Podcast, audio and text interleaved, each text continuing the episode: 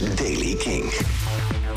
Vandaag begint de dag met verraderlijke gladheid. In het oosten kan lichte sneeuw vallen. Vanmiddag bewolkt in het oosten. In het westen periode met zon. Temperatuur een graadje of 1. Nieuws over Biffy Clyro en de Zwarte Cross. Dit is de Daily Kink van vrijdag 16 december. Michiel Veenstra. Simon Neil van Biffy Clyro heeft een nieuw side project. Jaren geleden had hij bijvoorbeeld Marmaduke Duke. Nu heeft hij er eentje onder de naam Empire State Bastard. Uh, in dit side project zit bijvoorbeeld ook Mike Vennert. Dat is een van de tourgitaristen van Biffy Clyro. En ze hebben nu een eerste liveshow aangekondigd.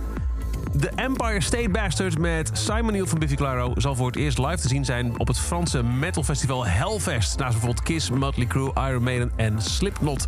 En het vindt plaats op 15, 16, 17 en 18 juni in Clisson in Frankrijk.